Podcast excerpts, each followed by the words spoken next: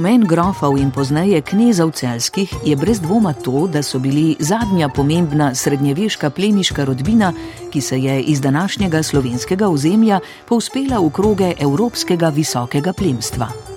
Njihov knjižji dvor v celju je bil poleg Trsta edini kraj na slovenskem, v katerega so segali evropski kulturni in umetnostni tokovi. Njihov spon se je začel že s prvimi omembami v 12. stoletju, pospešil pa se je v 14. in 15. stoletju in je trajal do njihovega izumrtja. Čas, ko so žovneški dobili listini o povišanju v grofe celske, je zelo zanimiv. Gre namreč za 14. stoletje, ki je bilo zelo dinamično. Magistr Damir Žerič, višji kustos v pokrajinskem muzeju celje. Srednji vek kot celota je eno zelo zanimivo obdobje. Ne. Mi si ga danes predstavljamo kot neko mračnjaško obdobje, kot nek temen srednji vek, ki je samo čakal, da izveni in da pridemo v neko obdobje zgodnega novega veka do same renesanse. Vendar ne smemo pozabiti, da je srednji vek tudi obdobje, ki je bilo zelo živahno, kjer se je po koncu antike spet rodila in razvila trgovina da je to bilo obdobje nastanka univerz, da je to obdobje renesanse, da je to obdobje, ki je dalo tudi na slovenskem prostoru nekaj izjemno pomembnih kulturno-zgodovinskih spomenikov. Gre za živahno obdobje, v katerem se je konec koncev tudi oblikovala zgodovina današnjega slovenskega prostora, da je bil tudi naš današnji prostor prizorišče velikih spopadov med takrat prevladujočimi rodbinami in Značilno je bilo, seveda, da so zlasti te vladajoče rodbine izkoriščale svojo moč, položaj na takšen način, da so vazalom konkurenčnih rodbin izdajali privilegije in tako slabili moč konkurence, ter si ustvarili novo mrežo zavezništva. In v tem pogledu so bili, seveda, žovneški oziroma celski močno, močno prisotni. 14. stoletje in celje, trška naselbina na ostankih antičnega mesta. Kakšna je bila pravzaprav podoba, ko žovniški vstopijo v to trško naselbino? Celje je bilo takrat zelo eh, majhna, trška naselbina, domneva se z nekaj deset hišami, z nekaj sto prebivalci, prostor, v katerem je dominirala župnijska farna ceko svetega Daniela, potem minoritski samostan ter na zahodnem koncu stolpasti tip gradu, torej stolp, ki je kasneje postal znan kot Knežji dvor. In znotraj vseh teh treh poslopij se je potem postopoma razvila troška naselbina. Celje je bilo verjetno že v 11. 10. stoletju sedež tukajšnjega menjega grofa, ne na zadnje kot ena izmed prvih poznanih osebnosti visokega srednjega veka se tu omenja mož z imenom Günther, ki je najverjetneje izhajal iz rodbine v Obržanu, prav tako rodbine, ki je najbrž bila sorodstveno povezana z Hemo Krško. In na podlagi dedne pogodbe, oziroma na podlagi takrat značilnega dedovanja po izumrtju v Obržanu leta 1322, so potem žovniški kot en izmed glavnih pretendentov 11 let pozneje postali gospodari celja, trga, ki je že bilo na nek način upravno središče Savinske doline.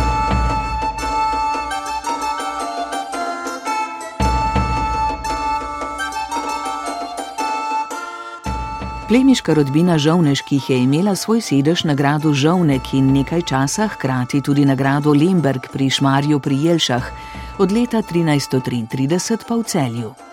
Sprva na celskem starem gradu in na to nekaj desetletij pozneje v središču trške naselbine v Knežjem dvoru, v poslopju, v katerem že od leta 2012 stoji stalna razstava Grofje Celski. Kot se spodobi za izjemne zgodovinske zgodbe velikih plemiških družin, so tudi žovneški, na to celski, v svojem zgodovinskem razvoju doživeli številne prelomnice in dosegli nekaj izjemnih mejnikov. Poglejmo najprej, kako se je družina žovneških počasi uspenjala po družbeni oziroma plemiški lestvici. Kako se je vse skupaj sploh začelo? Magister Damir Žerič. Izvor žovniških pravzaprav do danes še ni popolnoma razjasnjen. Večina medivistov se strinja, da je rodbina Žovneških pravzaprav povezana z Askvinom, odvetnikom Heme Krške, morda celo njenim bližnjim sorodnikom. Ne glede na to, pa njihov izvor smemo iskati v prvi polovici 12. stoletja v spodnji Savinski dolini, kjer so imeli svoj matični grad, Žovnek in tam tudi svojo matično posest, poleg Žovneka še eh, grad Ojstrica ter stolpa še nek in Liebenstein. In pravzaprav prav ta bližina matičnih posesti je na nek način bila ključna za to, da so žovniški v naslednjih generacijah, v naslednjih desetletjih pravzaprav zagospodarili celju in širši celski regiji. Bili so odvetniki Gornjegradskega samostana, to je bila na nek način najpomembnejša cerkvena inštitucija v Savinski dolini v srednjem veku. Svojo moč so pa skozi desetletja skrbno, sistematično gradili na takrat značilne načine, torej z vojaškim najemništvom, z res skrbno načrtovano družinsko politiko, potem z odkupovanjem dolgov, z pridobivanjem gradov v last, v feud, v zastavo in tako naprej. Ključno seveda je bilo pa to tudi začetek navezovanja s Hasburžani, ki se je potem zgodilo v drugi polovici 13. stoletja bitka na Moravskem polju leta 1278 zaznamuje nekako simbolno začetek žovniško-hasburškega povezovanja. To je bil velik spopad med Hasburžani in pa med takratnim češkim kraljem, otokarjem Pšemistom. In v tej bitki, na kateri so Hasburžani zmagali, torej so žovniški izbrali pravo stran in ta dobra odločitev jih je tudi v prihodnjih desetletjih uvrščala med zmagovalce. Poleg te bitke, ali so znana še kakšna takšna sodelovanja žovniških v spopadih, ki so se takrat odvijali? Zelo veliko je bilo teh spopadov, tako na zahodu, v Italiji, današnji in posod drugot. Žovniški in pozneje grofi celski so se pogosto odraževali vojaških spopadov, pravzaprav lahko jim sledimo od Baltika do Sredozemlja, za to vojaško službo so bili seveda dobro plačani. Če pa že govorimo o samih začetkih, o teh navezovanjih na Hasburžane, je bila pa seveda tudi zelo pomembna in bila celo ključna tudi njihova udeležba v boju za češko krono, po izumrtju Šemislov, kjer se je Ulrik II. Žovneški postavil na stran Hasburžanov, ko so se ti spopadli z takrat zelo mogočno rodbino Goriško-Tirolskih. No in v kontekstu tega spopada velja tudi omeniti dva za perspektivo žovneških zelo pomembna dogodka. Namreč leta 1308 je Ulrik II. Žovneški predal do takrat aurodijalno oziroma svobodno posest Habsburžanu, Frideriku Lepemu in vso to posest prejel nazaj v Feud. S tem je postal Habsburški vazal, ampak dolgoročno se da je bilo to za žovneške zelo perspektivno. Nekaj let pozneje je pravzaprav v kontekstu te vojne sledila še ena zelo pomembna poteza, v kateri so se žovniški na nek način nevede znašli. Namreč Henrik Koroški iz rodbine Goriško-Tirolskih je Hasbožanom predal Savinsko krajino severno od Save in od takrat dalje so se žovniški šteli kot štajerski plemiči oziroma štajerski deželani. Sveda ta generacija potomcev Friderika Celskega, zlasti Ulrika, je seveda slovela kot zelo močno prisotna v vseh teh vojaških spopadih v deželah današnje Nemčije, Mačarske, Avstrije, Italije in se tudi na tak način so pravzaprav žovniški stopili v to neko zavezniško mrežo.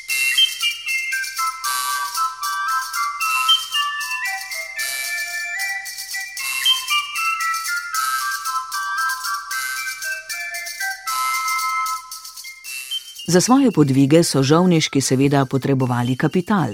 To, da so vodili odvetništvo Gornjegrajskega samostana, najbrž ni bilo dovolj. Magistr Damir Žerič. Odvetništvo, konkretno nad Gornjegrajskim samostanom, je žovniškim seveda prinašalo velike dohodke, s tem privilegije in tudi določen vpliv. Ne smemo pozabiti, da so kar trije žovneški oziroma celski upravljali tudi službo kranskega državnega glavarja v Ljubljani. Imeli so seveda odlične poslovne stike z lokalnimi judovskimi družinami, pri njih so se zakreditirali in seveda s tem kapitalom kupovali številne gradove s pripadajočo posestvijo. Na tak način so celjani pravzaprav pridobili veliko število gradov. Poleg tega so znali vzpostaviti stike tudi z zadolženimi in propadajočimi manjšimi plemiškimi rodbinami. Sveda pa gradov niso kupovali kar tako, temveč ob vseh teh glavnih prometnicah, ob teh res pomembnih geostrateških legah, ob mestih, skozi katere je vodila že starodavna trgovska pot, potem sistemom mitnic, ki so jih sedaj imeli skrbno razpostavljene ob vseh cestah. Skratka, teh načinov je bilo res veliko. Ne. Vidno rečemo, celski grofje niso bili samo dobri vojaki, niso bili samo dobri politiki, temveč tudi izjemni poslovneži. Na vse zadnje fond gradov, ki so jih imeli v svoji lasti, je bil izjemen. Omenja se seveda potem vojno dobičkarstvo in iz tega naslova tudi določen kapital in eh, pritok denarja. Ja, seveda, z vojaškim najeništvom so pridobili velika finančna sredstva, ne nazadnje pa tudi Hasbužani, kot takrat prevladujoča plemiška rodbina v srednji Evropi. Habsburžani so takrat pri celskih najemali precej denarja, so si ga izposojali, ker ga niso bili sposobni niti ne vračati, so potem celjanom zastavili številna posesta na današnjem slovenskem ozemlju. In pravzaprav poznamo veliko primerov, ko so potem celjani na takšen način gradove obdržali vse do izumrtja leta 1456.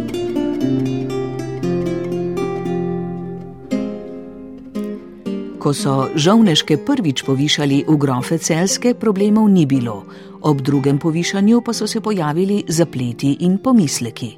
Magistr Damir Žerič. 14. stoletje je čas, ko so se na vladarskem eh, prestolu zamenjali predstavniki treh velikih pemiških rodbin: Wittelsbachov, Habsburžanov in Luksemburžanov. Leta 1341 je cesar Ludvik IV. iz rodbine Wittelsbachov, znan tudi kot Ludvik Bavarski, pozdignil Friderika Žovneškega v grofa Celskega. Ker je Friderik od leta 1333 živel v celju, tu rezidiral, tu je bilo sedišče žovneške posesti, je tudi dobil ta predelnik celski. Vendar pa celje v novo nastalo celsko grofijo ni bilo vključeno.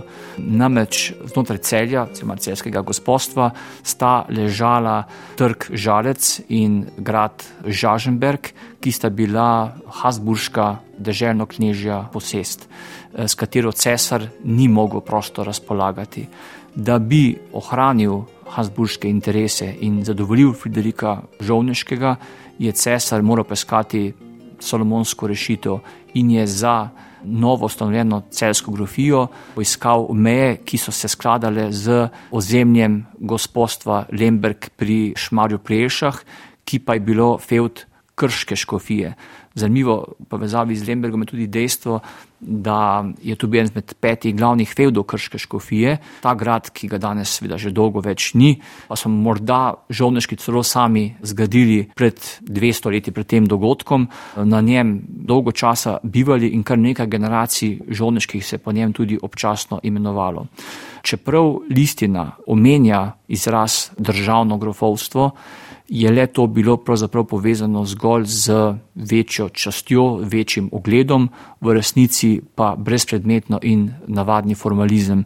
Namreč žovniški oziroma zdaj celski grofje so se še naprej šteli kot štajerski državljani, podrejeni štajerskemu vojvodi oziroma štajerskemu državnemu knezu. In tudi po tem letu so se vselej vdrževali Habsburških vojaških pohodov. Vsekakor je bilo to prvo povišanje narejeno na način, da je zadovoljevalo obe upleteni strani, žovneške in Habsburžane. Žovneški seveda si niso želeli konflikta s takrat prevladojočo plemiško rodbino v naših prostorih. Hasbržani so pa seveda tudi bili zadovoljni, ker to povišanje ni škodilo njihovim interesom. Če bi škodilo, bi Hasbržani na vse zadnje lahko uveljavljali določilo listine, iz leta 1348. To listino je izdal naslednji cesar, torej ki nasedil Ludvika Bavarskega, to je bil Karl IV. Luksemburški, oče Sigismunda Luksemburškega, ki je razveljavil vse privilegije, vse listine, ki bi škodile Habsburžanom.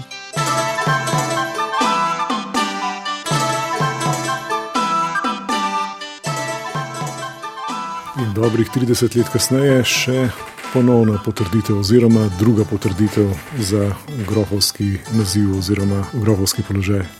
Ja, tako je. 30. E, septembra leta 1372 je Karl IV. Luksemburški v listini, ki jo je izdal v Brnu, takratna seniorja celske hiše Hermana in Viljema, pozdignil v grofa Celska.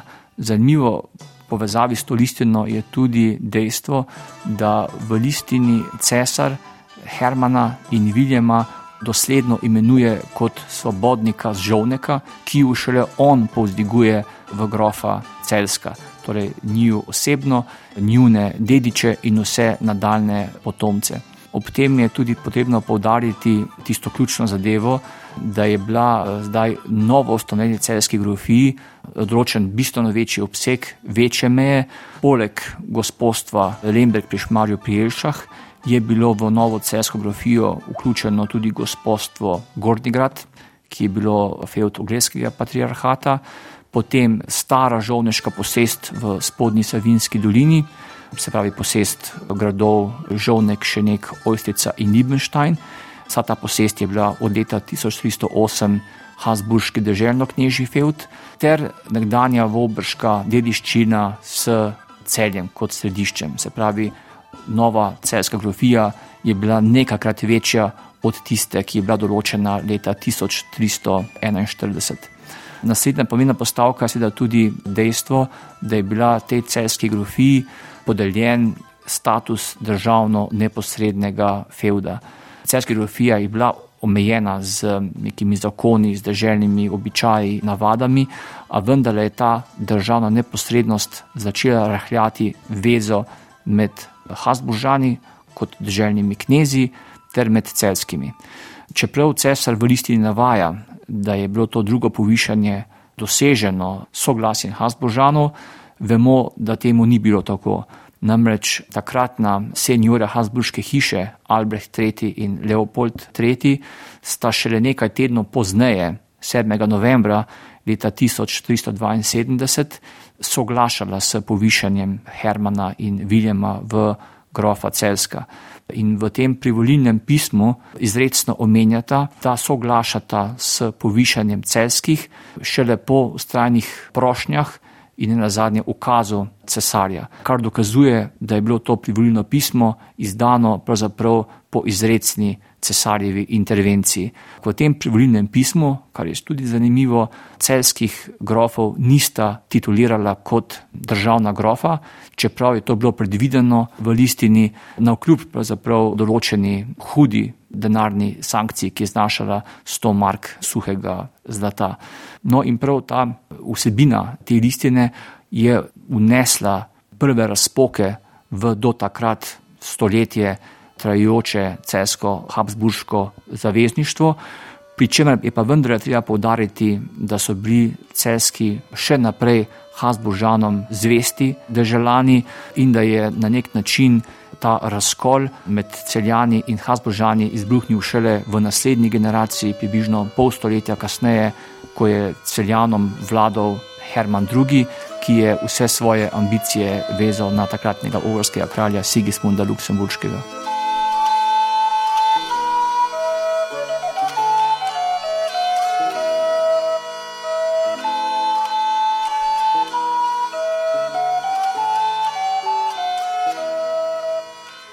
Drugo povišanje ni zadostilo ambicijam, ki so jih imeli grofje celski, še več, njihov uspon se je samo nadaljeval. magistr Damir Žerič.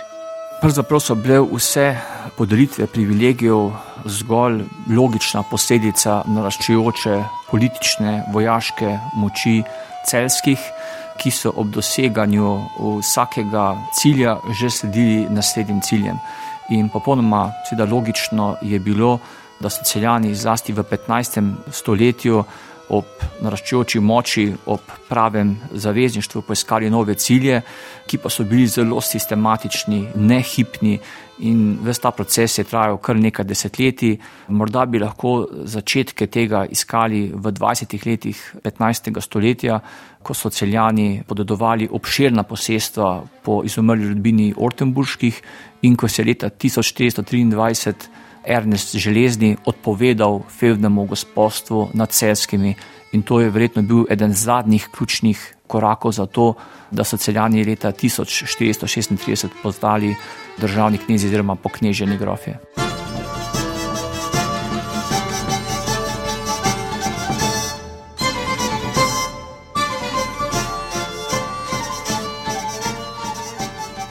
To dogajanje okrog uspona žovneških so predstavili v Pokrajinskem muzeju Celje na občasni razstavi z naslovom Žovneški postanejo grofje celski.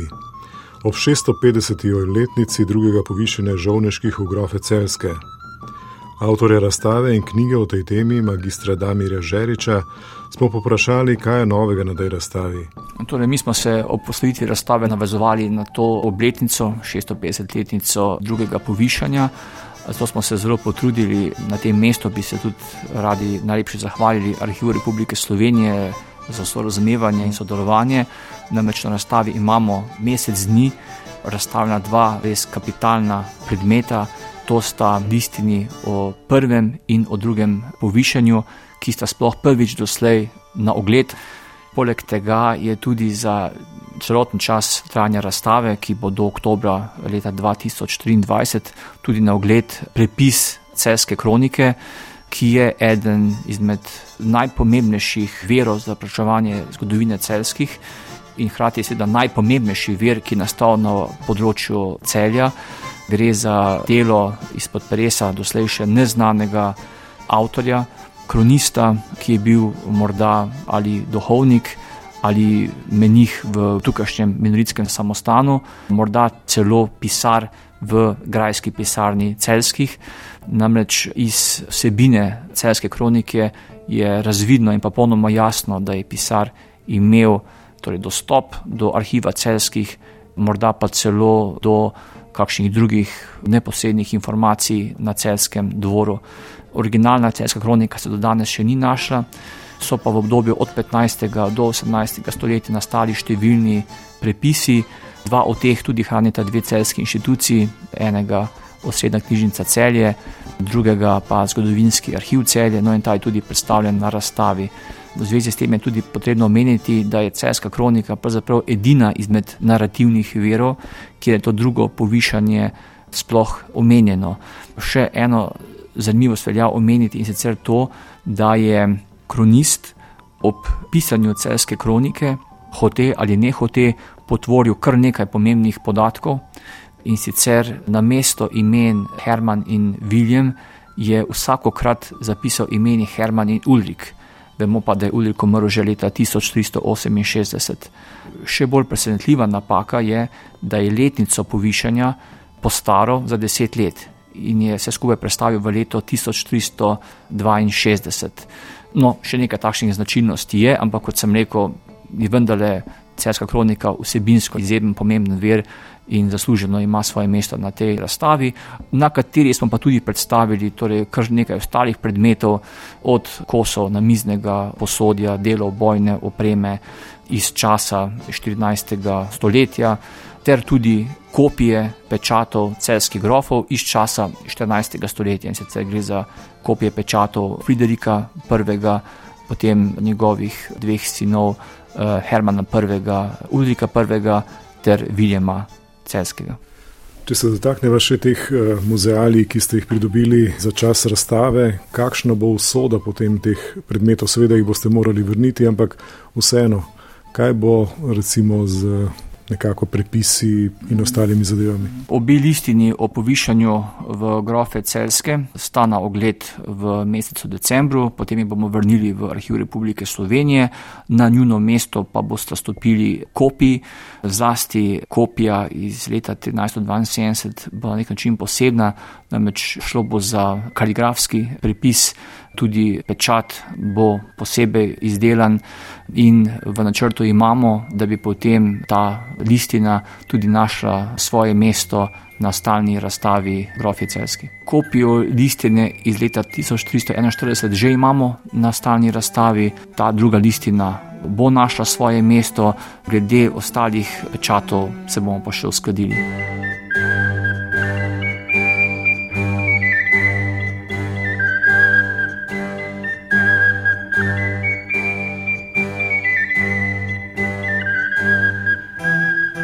Spoštovane poslušalke, cenjeni poslušalci, to je bila oddaja Sledi časa, namenjena povišanju žovneških ugrofe Celske. Napovedovalka Eva Longika Marušič, glasbo je izbral Rudi Pančur, za tehnično podobo je poskrbel Miha Klemenčič, avtor oddaje Milan Trobič.